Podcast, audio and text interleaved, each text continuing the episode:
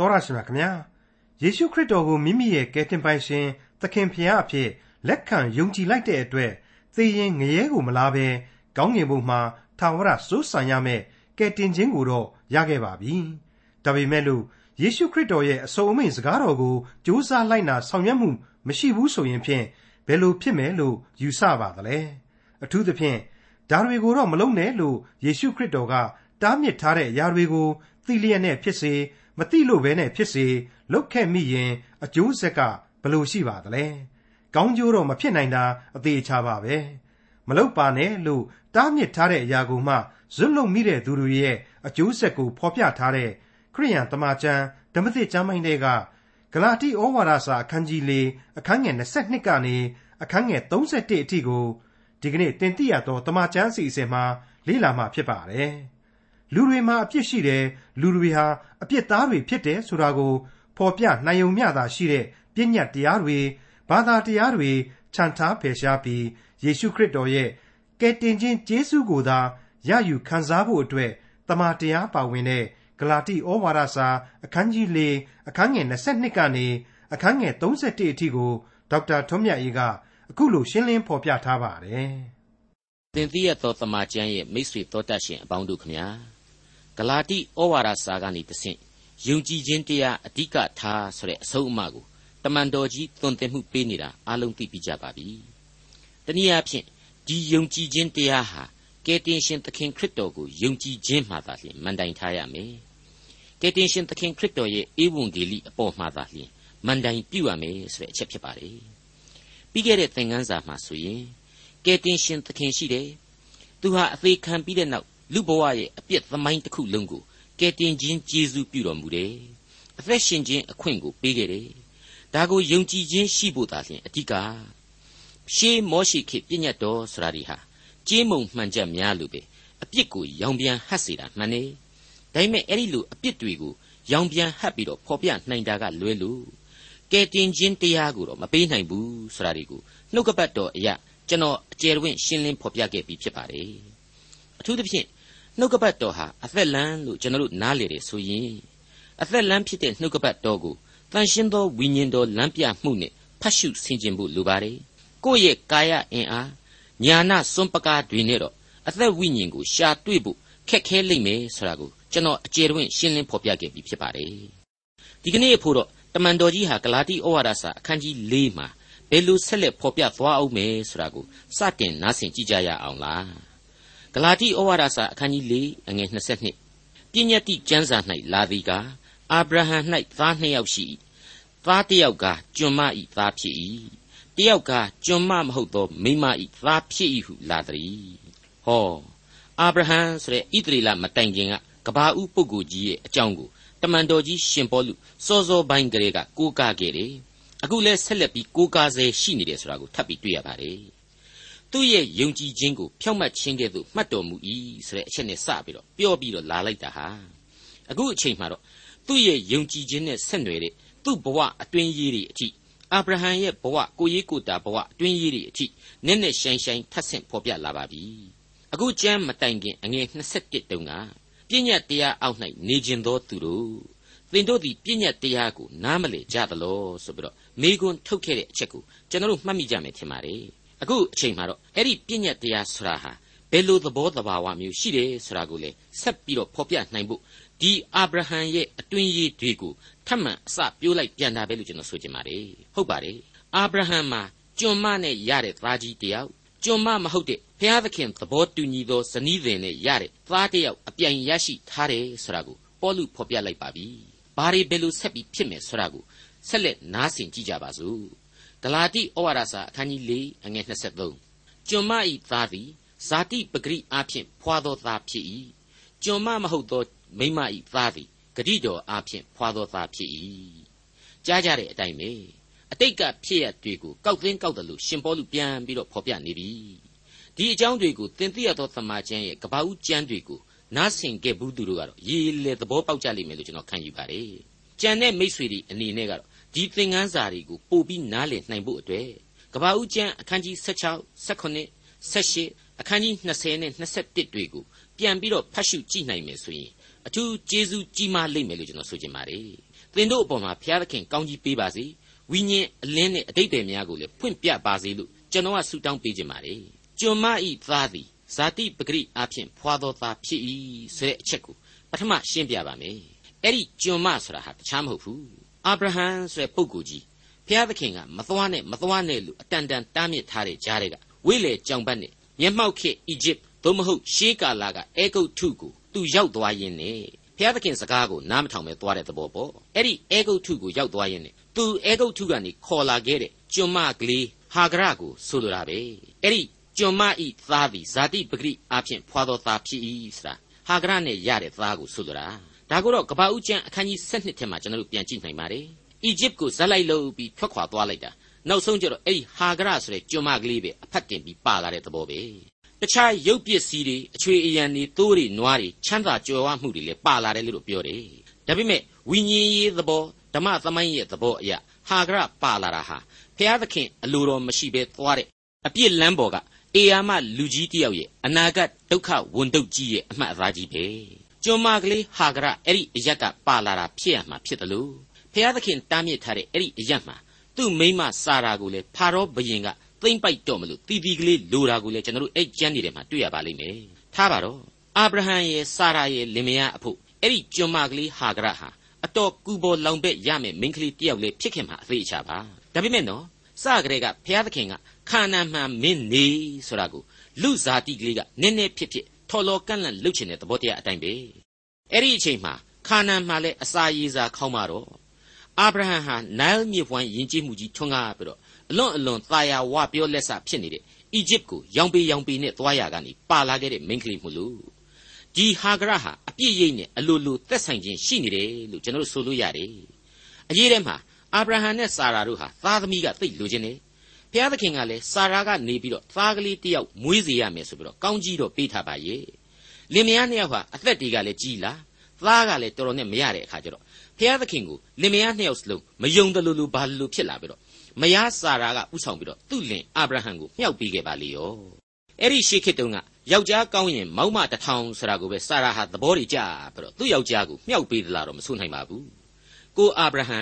တဲ့မထူးပါဘူးဟာဂရနဲ့ရှင်ယူပြီးကလေးမွေး အဲ့ဒါဆိုရင်ကျမတို့လင်မယားဟန်ကြပြီစိတ်ဖြေနိုင်ပြီတဲ့အဲ့ဒီမှာတဲ့မယားစကားကိုတခြားနေရာမှာသာနားမထောင်ခြင်းနေရမယ်ဒီကိစ္စကြမှာမြေဝယ်မကြနားထောင်တဲ့အာဗြဟံကြီးကလေးမဟုတ်တငယ်မဟုတ်နဲ့ဟာဂရနဲ့ပေါင်းပြီးတော့ဣရှမေလဆိုတဲ့သားကလေးတယောက်ကိုယူခဲ့ပါလေရောတဲ့မိษွေအပေါင်းတို့အဲ့ဒါဟာကျွန်မဤသားသို့မဟုတ်ဇာတိပဂရိနှင့်မွေးဖွာသောသားဖြစ်သူဣရှမေလရဲ့ဖြစ်ရမှန်ပါပဲဇလန်းမှန်ပါပဲနောက်ထပ်ဆက်ပြီးတော့ပေါလုဖော်ပြလိုက်တာကတော့ ကျွန်မမဟုတ်သောမိမဤသားတဲ့ဟုတ်တယ်ဘုရားသခင်ကမင်းနဲ့စာရာကနေမွေးဖွားစေရမယ်ဆိုပြီးတော့ဟာဂရမရှိခင်ကတည်းကအာဗြဟံကနေတဆင့်အမျိုးမျိုးဂတိတော်တွေချထားပေးခဲ့တဲ့သားဟာမကြခင်မှာပဲသွေးဆုံးပြီးအလွန်အိုမင်းရင့်ရော်နေတဲ့အဖွားကြီးမြုံနေတဲ့အဖွားကြီးစာရာရဲ့ဝန်းပိုက်ကနေပြီးတော့နောက်ထပ်ထပ်မှန်ပြီးတော့မွေးဖွားပါလျော်တယ်သူ့နာမည်ကတော့ဣဇဲအဲ့ဒီသားကလေးကြတော့မှ ဘုရားသခင်ရဲ့ဂရိတော်အားဖြင့်မွေးဖွားသောသားဆိုပြီးတော့ဖြစ်သွားရတယ်ရှင်းပါတယ်နော်တဖအေတဲကနေမွေးတာကတော့အမှန်ဒါပေမဲ့တယောက်ဟာကျွန်မကမွေးတယ်ဇာတိပဂရိအသွေးအသားရမက်အပြည့်ရိပ်ရဲ့အမွေစတဲ့အထိတ်အမှတ်တွေကိုဆောင်ယူထားတဲ့သားဒါကြောင့်မလို့ဇာတိပဂရိအားဖြင့်ဖွာသောသားဖြစ်သွားရတယ်ကြံတယောက်ကြတော့ထားရှိခဲ့တဲ့ဘုရားသခင်ရဲ့ဂရိတော်ကြောင့်ရတဲ့ကိုမိမရဲ့မြုံနေသောဝန်းပိုက်ကနေထပြီးတကိုးပြပြီးရတဲ့သား ဒါကိုဂရိတော်နဲ့ဆိုင်သောသားဆိုပြီးတော့နှုတ်ကပတ်တော်ဟာပြောင်းလဲခြားနာစွာဖော်ပြလိုက်တာကိုအံ့ဩဖွယ်တွေ့မြင်ရပါလေပို့ပြီးတော့အံ့ဩဖို့ကောင်းတာကတော့အဲ့ဒီဇာတိပဂရိရေဂရိတော်ရေနှစ်ခုသောဆန့်ကျင်ဘက်ဥပမာတွေကိုရှင်ပေါလုဆက်လက်ဖော်ပြလိုက်ခြင်းပါဂလာတိဩဝါဒစာအခန်းကြီး၄အငယ်24နဲ့25ကိုကြည်ပါထိုအကြောင်းအရာကိုပုံဥပမာအားဖြင့်ဆိုတော့ထိုမိမနှစ်ယောက်ကဗြိညင်တရားနှစ်ပါးကိုဆိုလိုသည် ဟာဂရအမည်ရှိသောမိမဒီဟုသောဗြိညင်တရားတစ်ပါးသည်သိနာတောင်ပေါ်မှစီရင်၍ကျွန်များကိုဖွာရသောတရားဖြစ်၏အကြောင်းမူကားဟာဂရသည်အာရဗ်ပြည်၌ရှိသောသိနာတောင်ဖြစ်၏ယခုရှိသောယေရုရှလင်မြို့နှင့်တူ၏မိမိသားများနှင့်တကွကျွန်ခံရ၏တကယ်ဖြစ်တည်ခဲ့တဲ့လူသမိုင်းဇာတ်ကြောင်းကြီးထဲမှာရှင်ပေါလုဖော်ပြလိုတဲ့ပုံဥပမာဝိညာဉ်ရေးသဘောတရားအတွက်အလွန်ပြည်ပြင်းလှတဲ့သက်သေဟာပါဝင်နေပါလေ အလွန်ထင်ရှားနေတဲ့သက်သေပေါ့ဟာဂရရဲ့စာရာရဲ့မိမနှစ်ယောက်ဟာပရိညင်နှစ်ပါးကိုအပြိုင်ဖော်ပြနေတယ်တဲ့အဲ့ဒီပရိညင်နှစ်ပါးတွေကမှပထမပရိညင်ဟာတခြားမဟုတ်ဘူးဟာဂရဒီဟုသောအာရဗ်ပြည်သိနာတောင်နဲ့တကွအဲ့ဒီသိနာတောင်ပေါ်မှာခြားထားစီရင်လိုက်သောပြည့်ညတ်တော်ဆိုတဲ့ပရိညင်ပဲတဲ့ဟာဂရနဲ့အာဗြဟံဟာဂရတို့ရဲ့သားဣရှမေလတို့ရဲ့ဖြစ်ရတွေဟာလေအမှန်ပဲဂရိတော်နဲ့မဆိုင်တဲ့အတွက် ဣသရေလလူဘုရားသခင်ရဲ့ရွေးကောက်တော်မူသောလူမျိုးတော်အခွင့်အရေးကိုဘယ်နည်းနဲ့မှမရရှိမခံစားနိုင်ခဲ့ပါဘူးကမ္ဘာသမိုင်းမှာပြန်ကြည့်လိုက်ရင်ဣရှမေလရဲ့အမျိုးတွေဟာဘုရားသခင်ရဲ့ကောင်းကြီးတွေကိုအတော်အတန်ခံစားရတယ်ဒါပေမဲ့ဣသရေလလောက်ဘယ်တော့မှမျက်နှာသာပေးခြင်းမခံရတာဟာအမှန်ပဲလို့ကျွန်တော်တို့တွေ့ရပါတယ်အဲ့ဒါကိုမိမိသားများနှင့်တကွကျွန်ခံရသောယေရုရှလင်မြို့နှင့်အတူတူပဲလို့ရှင်ပေါလုကနှိုင်းပြလိုက်ပါတယ်မိတ်ဆွေများခင်ဗျာ အကုန်လုံးဟာခိုင်လုံပြီးကွက်တိကြနေတယ်လို့ကျွန်တော်ဆိုချင်ပါတယ်အာဗြဟံရဲ့အချိန်ကာလဟာလူသမိုင်းရဲ့အထင်ရှားဆုံးအဲ့ဒီခေတ်ရဲ့ဟမ်မူရာဘီဥပရိသတွေရှိနေပါပြီဟမ်မူရာဘီရဲ့ဥပရိသတွေအရဆိုရင်ကျွန်မဖြစ်တဲ့ဟာဂရကမွေးဖွားတဲ့သားဟာကျွန်အဖြစ်ပဲသတ်မှတ်ခံရတာဖြစ်ပါတယ်ဘယ်နည်းနဲ့မှသားအရင်ခောက်ခောက်အမွေခံသားရဲ့အခွင့်အရေးကိုမခံစားနိုင်ပါဘူးတရားမဝင်သားပေါ့အခုတမန်တော်ကြီးရှင်ပေါလုရဲ့အချိန်ကာလမှာကြတော့လေယေရုရှလင်မြို့တော်ကြီးဟာ ယောမနိုင်ငံတော်ရဲ့ကျွန်ရိပ်မှာပဲဖြစ်နေတဲ့အတွက်ဟာဂရကိုယ်တိုင်ဟာကျွန်ဖြစ်တယ်ဣရှမီလဟာလေကျွန်ရဲ့သားပဲဖြစ်တယ်အဲ့ဒီဟာဂရနဲ့တူတဲ့သိနာတောင်ပေါ်ကပြည့်ညတ်တော်များဟာလေအခုရှင်ပေါလုအချိန်ကာလအထိယေရုရှလင်ကိုဗဟိုပြုတဲ့ကျွန်တွေကိုသာဖြစ်ပေါ်စေတယ်ဆိုတာကိုရှင်ပေါလုဖော်ပြလိုက်ခြင်းဖြစ်ပါတယ်ဟုတ်ပါတယ်ပြည့်ညတ်တော်တွေကိုသာကျင့်ဆောင်ပြီးတော့ခရစ်တော်ရဲ့ကယ်တင်ခြင်းတရားကိုညှင်းပယ်နေတဲ့ယူဒာတွေအဖို့ဒီအချက်ကိုကွက်ကွက်ကွင်းကွင်းနားလည်နိုင်ပါတယ် သူတို့ဟာတကယ်တော့ရှင်ပေါလုဖော်ပြခဲ့တယ်လို့အသစ်သောကျေးဇူးတော်ရိပ်မှာမှင်းမိန်သွားပြီဖြစ်တဲ့တရားနုသို့မဟုတ်သိငယ်နေသောတရားရဲ့ကျွန်များဖြစ်နေစေပဲဖြစ်ပါတယ်ခရစ်တော်ရဲ့ကယ်တင်ခြင်းတရားဆိုတာကိုတော့သမိုင်းနဲ့ချီပြီးအာဗြဟံခေတ်ကလေးကထားခဲ့တဲ့ဂရိတော်ကလာတဲ့တရားအဖြစ်သူတို့လက်မခံဘဲရှိနေတာကိုတမန်တော်ကြီးဟာပြင်းထန်စွာအပြစ်တင်လိုက်တာပဲဖြစ်ပါတယ်အခုအငယ်26မှာကြတော့ကျွန်ဖြစ်စေသောဗြိညင်မဟုတ်တဲ့ နောက်ထပ်အခြားသောဗြိညင်ကိုဖော်ပြပါတော့မယ်သေချာစွာနားဆင်ကြည့်ကြပါလို့မေတ္တာရက်ခံလိုပါတယ်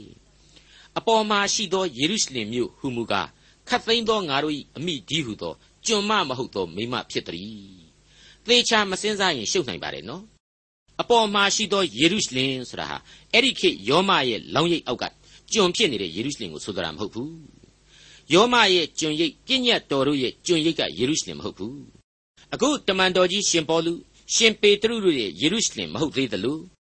မျက်မှောက်ခေတ်ဒီကနေ့အစ္စရေလနိုင်ငံကယေရုရှလင်ကိုလည်းမဆိုလိုပါဘူးဘုရားသခင်ဟာကတ်ကာလကုံဆုံးချိန်မှာကောင်းကင်ဘုံမှာအသစ်ပြင်ဆင်ပေးမယ့်ယေရုရှလင်မြို့တော်တစ်ပဲဖြစ်ပါတယ်ဒါကိုဗျာဒိတ်ကျမ်းအခန်းကြီး20မှာကျွန်တော်တို့ဖတ်ရှုကြည့်နိုင်ပါတယ်အဲ့ဒီအထက်ကအငယ်9အရာတန့်ရှင်းသူတို့ဤတက်နှစ်တည်ရှိတဲ့ချစ်ဖွယ်သောမြို့တော်ဆိုပြီးတော့ဖော်ပြထားတာကိုကျွန်တော်တို့တွေ့နိုင်ပါတယ်အဲ့ဒီလိုပါပဲဗျာဒိတ်ကျမ်းအခန်းကြီး21ရဲ့အစပိုင်းမှာလေ ကယ်တင်ခြင်းကျေးဇူးတော်ကိုခံရသူတို့အတွက်ယေရုရှလင်မြို့သစ်နှင့်ကောင်းကင်အသစ်မြေကြီးအသစ်တို့ဆိုတာတွေကိုတွေ့ရမှာဖြစ်ပါတယ်တမန်တော်ကြီးဖော်ပြတဲ့အချက်တွေဟာအလွန်နဲ့ဆိုင်ပါတယ်ရှုပ်ထွေးတယ်လို့ဆိုမယ်ဆိုရင်လည်းကျွန်တော်တို့လက်ခံရမှာပါ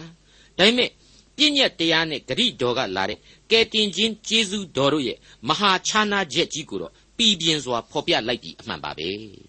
ဂလာတိဩဝါဒစာအခန်းကြီး၄အငယ်29ကျမ်းစာလာသည်ကသားမဖွာသောအမြုံမ ဝမ်းမြောက်လော့သားဖွာခြင်းဝေဒနာကိုမခံသေးသောမိမကြွေးကြော်အော်ဟစ်လော့အကြောင်းမူကားစွန့်ထားသောမိမသည်လင်ရှိသောမိမတဲ့သာ၍များသောသားတို့ကိုဖွားမြင်ပြီးဟုလာသည်ဘုရားသခင်ရဲ့ဂရိတော်နဲ့ပေးတော်မူသောကယ်တင်ရှင်ကျေးဇူးတော်အကြောင်းကိုလူသားတွေဟာပို၍ပို၍ခံစားလာရလိမ့်မယ်။တနည်းအားဖြင့်ခရစ်တော်ကိုယုံကြည်ခြင်းအပြင်ကယ်တင်ခြင်းတရားကိုလူသားတွေဟာပုံမိုပြီးတော့ခံစားလာကြရလိမ့်မယ်ဆိုတာကိုတမန်တော်ကြီးရည်ညွှန်းလိုက်တာဖြစ်ပါတယ်။ မိတ်ဆွေအပေါင်းတို့စာရာကနေတဆင့်ဣဇက်တယောက်တည်းကိုသာရရှိခဲ့တာပါ။ဒါပေမဲ့ဣဇက်ကနေတဆင့်အေသောယာကုပ်တို့ဟာဆက်လက်ပြီးတော့ဖွားမြင်လာတယ်။ယာကုပ်ဟာဆက်လက်ပြီးတော့ဂရိတော်အတိုင်းသား၁၂ယောက်ကိုဖွားမြင်ပြီးတဲ့နောက်ဣသရေလလူမျိုး၁၂ပါးအဖြစ်သတ်မှတ်ခြင်းကိုခံစားရတယ်။ကောင်းကြီးကိုစခံစားရတယ်။အဲ့ဒီလူမျိုးကိုဘုရားသခင်ဟာလူမျိုးတော်ဆိုပြီးတော့ကောင်းကြီးတွေသီးသန့်ပေးခဲ့တာဟာသမိုင်းထင်ရှားရှိတယ်လို့အဲ့ဒီလူမျိုးတော်ကနေတဆင့်ခရစ်တော် ခရစ်တော်မှတဆင့်ကမ္ဘာလူသားများအားလုံးတို့အတွေ့ကယ်တင်ရှင်ကျေးဇူးတော်ဟာတည်ရှိတည်နေခဲ့ရပါတယ်။ဒါကိုစဉ်းစားလိုက်ရင်ဘဖျားသခင်ရဲ့ဂရိတော်ဟာကဘာဦးကလေးကတီးခဲ့တဲ့အတိုင်းဒီကနေ့ဆက်လက်တည်ရှိနေမြဲဖြစ်တယ်ဆိုတာကိုကျွန်တော်ဘယ်သူညင်းနိုင်ပါလဲတဲ့တဲ့ပို့ပြီးတော့ရှေးကြတဲ့ကဘာသမိုင်းဥမှာကောကဲတင်ရှင်ပေါ်ထွန်းပြီးတော့စာရမဏတ်ကြောင့်ဖြစ်တည်လာရတဲ့အပြစ်သမိုင်းကို တိုက်ခိုက်သွားမယ့်အကြောင်းကိုဗျာဒိတ်ပြုခဲ့တာမရှိဘူးလားလို့မေးမယ်ဆိုရင်ရှင်းရှင်းကြီးရှိခဲ့ပါကြောင်းအဖြေရရှိလာပါလိမ့်မယ်အဲ့ဒီအချိန်ကာလကလေးကဓမ္မဟောင်းအချိန်ကာလကလေးကကဘာဦးကလေးကမိမဆိုတဲ့အိဋ္ဌိယလိန်တို့ရဲ့အခန်းကဏ္ဍဟာနှုတ်ကပတ်တော်မှာအလွန်ဦးစားပေးခြင်းခံခဲ့ရတယ်ဆိုတာကိုလေတပါးတည်းမြင်တွေ့ခဲ့ရတာကိုမေ့ထားလို့မရနိုင်ပါဘူးကဘာဦးကျမ်းအခန်းကြီး73အငယ်14နဲ့15မှာဖြစ်ပါတယ်စာရမဏတ်ကိုကိုစားပြုတ်ထားတဲ့ မွေကိုအပြစ်ပေးရင်းနဲ့ပြုတ်ခဲ့သောပရိညင်ကိုနားဆင်ကြည့်ကြပါထာဝရအရှင်ဘုရားသခင်သည်မွေကိုခေါ်၍သင်သည်ဤအမှုကိုပြုသောကြောင့်သားရင်သားရဲ့အပေါင်းတို့တဲ့ကြိမ်ချင်းကိုခံရ၏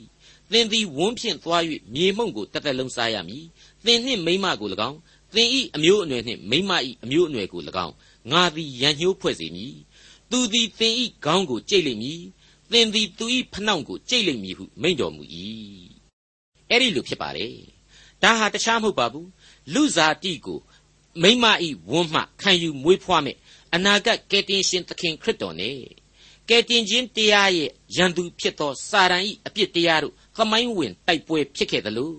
နောက်ဆုံးသောကပ်ကာလအချိန်အထိတည်ရှိနေမဲ့တိုက်ပွဲကြီးကိုလေရည်ညွှန်းဖော်ပြတဲ့ပရိညင်ပဲဖြစ်ပါတယ်။တနည်းအားဖြင့်ဝိညာဉ်ပဂရိနှင့်ဇာတိပဂရိတို့ဤတိုက်ပွဲကိုရည်ညွှန်းဖော်ပြလိုက်ခြင်းပါ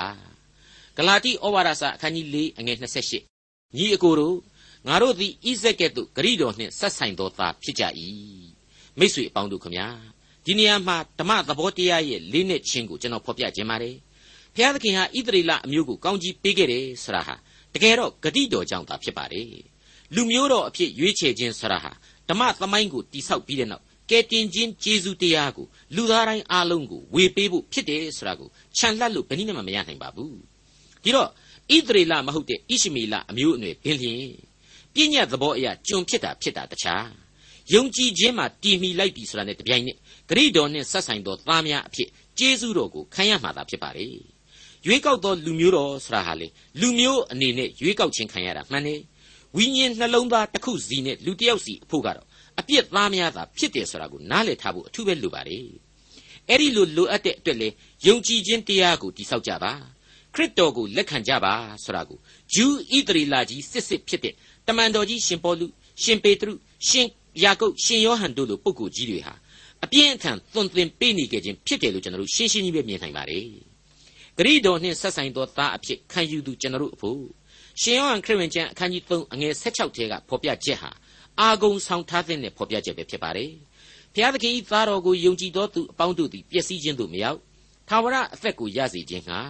ဘုရားသခင်သည်မိမိ၌တပါးရီသောသားတော်ကိုစွန့်တော်မူသည့်တိုင်အောင် လောကီသားတို့ကိုချစ်တော်မူ၏ဆိုတဲ့သစ္စာတရားပါပဲ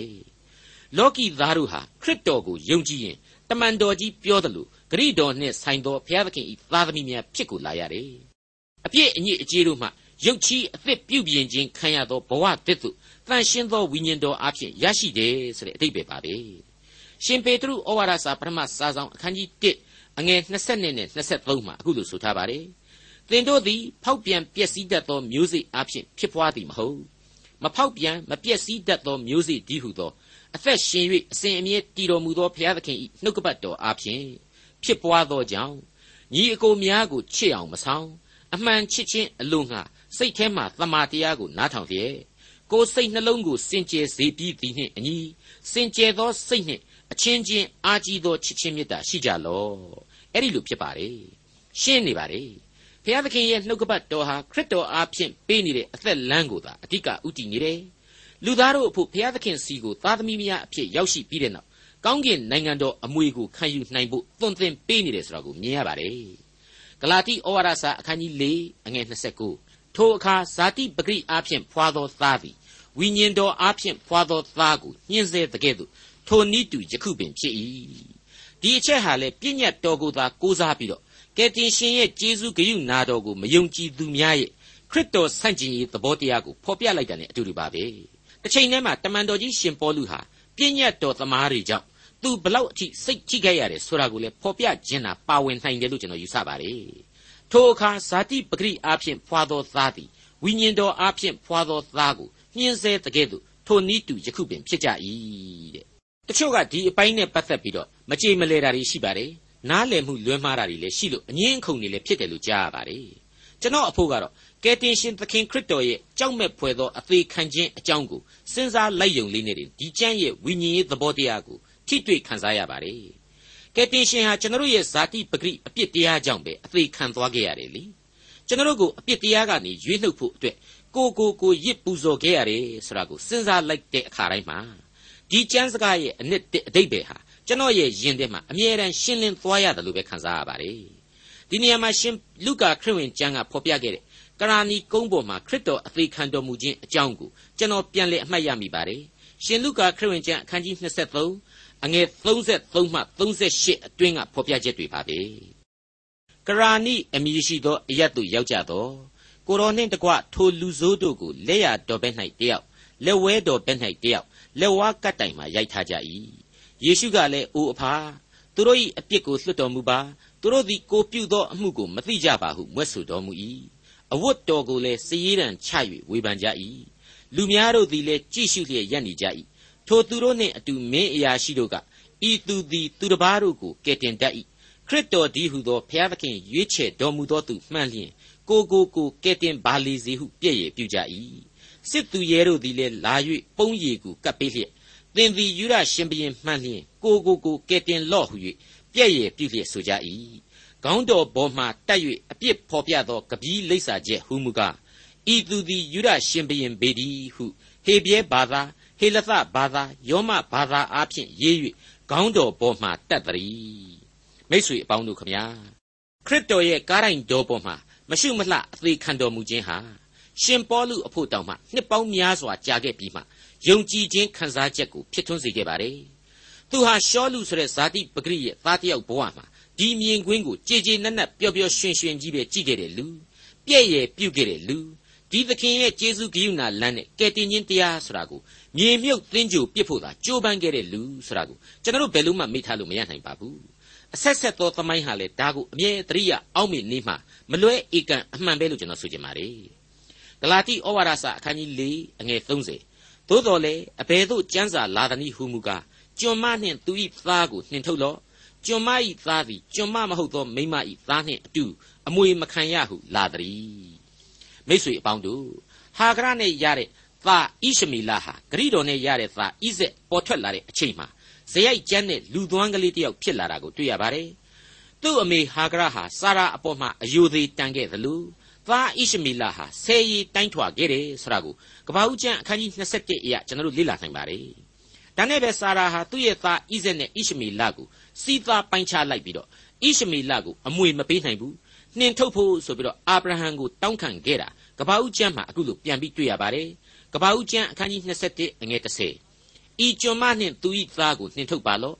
ဤကျွန်မ၏သားသည်ကျွန်ုပ်၏သားဣဇက်နှင့်အတူအမွေမခံရဟုအာဗြဟံအားဆိုလေ၏မိษွေတို့ရေ တကယ်တော့ဘုရားသခင်ကိုတော်တိုင်ဟာဣရှမီလကိုထိုက်သင့်တဲ့ကောင်းကြီးတွေပေးခဲ့တယ်ဆိုတာတွေ့ရသလိုဂရိတော်နဲ့ဆိုင်တဲ့သားမောင်ဣဇက်နဲ့တော့တန်းတူအခွင့်အရေးမပေးနိုင်ခဲ့ဘူးဆိုတာကိုအခုဆက်ပြီးတွေ့နိုင်ပါတယ်တို့ရတွင်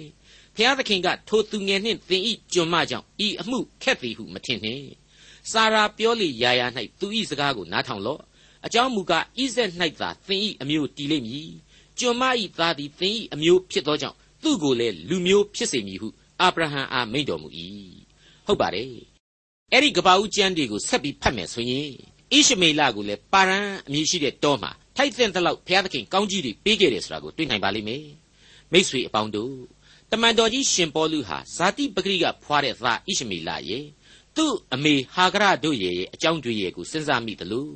ဂရိတော်အားဖြင့်ဖွားမြင်ခဲ့တဲ့ဣဇက်ရဲ့အကြောင်းတွေကိုလည်းအုံနှောက်ထဲမှာထည့်ပြီးစဉ်းစားရင်းနဲ့ ဘုရားသခင်ရဲ့ဂရိတော်ကိုဂလာတိအသင်းတော်နဲ့တကွကျွန်တော်တို့ကိုဖော်ပြလိုက်ပါတယ်အပြစ်တို့ကိုဖော်ပြယုံသာဖော်ပြနိုင်ပြီးတော့ကဲတင်ချင်းအရှင်းမပြုတ်နိုင်တဲ့ပြည့်ညတ်တရားများကိုသူ့ဂန္ဓာနဲ့သူခြံရစ်လိုက်ပါဖယ်ရှားလိုက်ပါဂရိတော်နဲ့အညီတည်ရှိနေတဲ့ခရစ်တော်ရဲ့ကယ်တင်ခြင်းကျေးဇူးကိုသာရယူခံစားကြပါဆိုတဲ့ဗျာဒိတ်တော်ပဲဖြစ်ပါတယ်ဂလာတိဩဝါဒစာအခန်းကြီး၄အငယ်31ဤကုန်းယခုတွင်ညီအကိုတို့ငါတို့သည်ကျွန်မဤသားမဟုတ် ကျွန်မမဟုတ်သောမိခင်ဤသားဖြစ်ကြ၏မိษွေအပေါင်းတို့ခမညာခရစ်တော်ရဲ့ဧဝံဂေလိတရားဟာပြည့်စုံလုံလောက်သောတရားဖြည့်ဆွက်ပြုပြင်စရာမလိုသောတရားပါကဘာဦးလူအဖွဲ့အစည်းမှပင်ချထားသောဂရိတော်နှင့်အညီဒီတရားဟာအပြစ်သားကျွန်တော်အလုံးအတွက်ဖြောက်မတ်စေသောတရားအသက်လမ်းကိုတက်လန်းစေသောတရားဖြစ်ပါတယ်ကားရိုင်တော်ဘော်ကအရှင်သခင်ကိုစိတ်စိတ်ကြည့်ပြီးတဲ့နောက်တဲ့တဲ့လျှောက်သွားရင်နှိမ့်ချခြင်းစိတ်အစဉ်နဲ့ ပြတ်ဝတ်ကိုးကွယ်ရန်သာဖြစ်ပါတယ်ဒေါက်တာထွန်းမြတ်ရေးစီစဉ်တင်ဆက်တဲ့တင်ပြတော်တမချန်းအစီအစဉ်ဖြစ်ပါတယ်နောက်တစ်ချိန်အစီအစဉ်မှာခရိယန်တမချန်းဓမ္မသစ်ကျမ်းပိုင်းတွေကဂလာတိဩဝါဒစာအခန်းကြီး9အခန်းငယ်1ကနေအခန်းငယ်6အထိကိုလေ့လာမှာဖြစ်တဲ့အတွက်စောင့်မျှော်နားဆင်နိုင်ပါတယ်။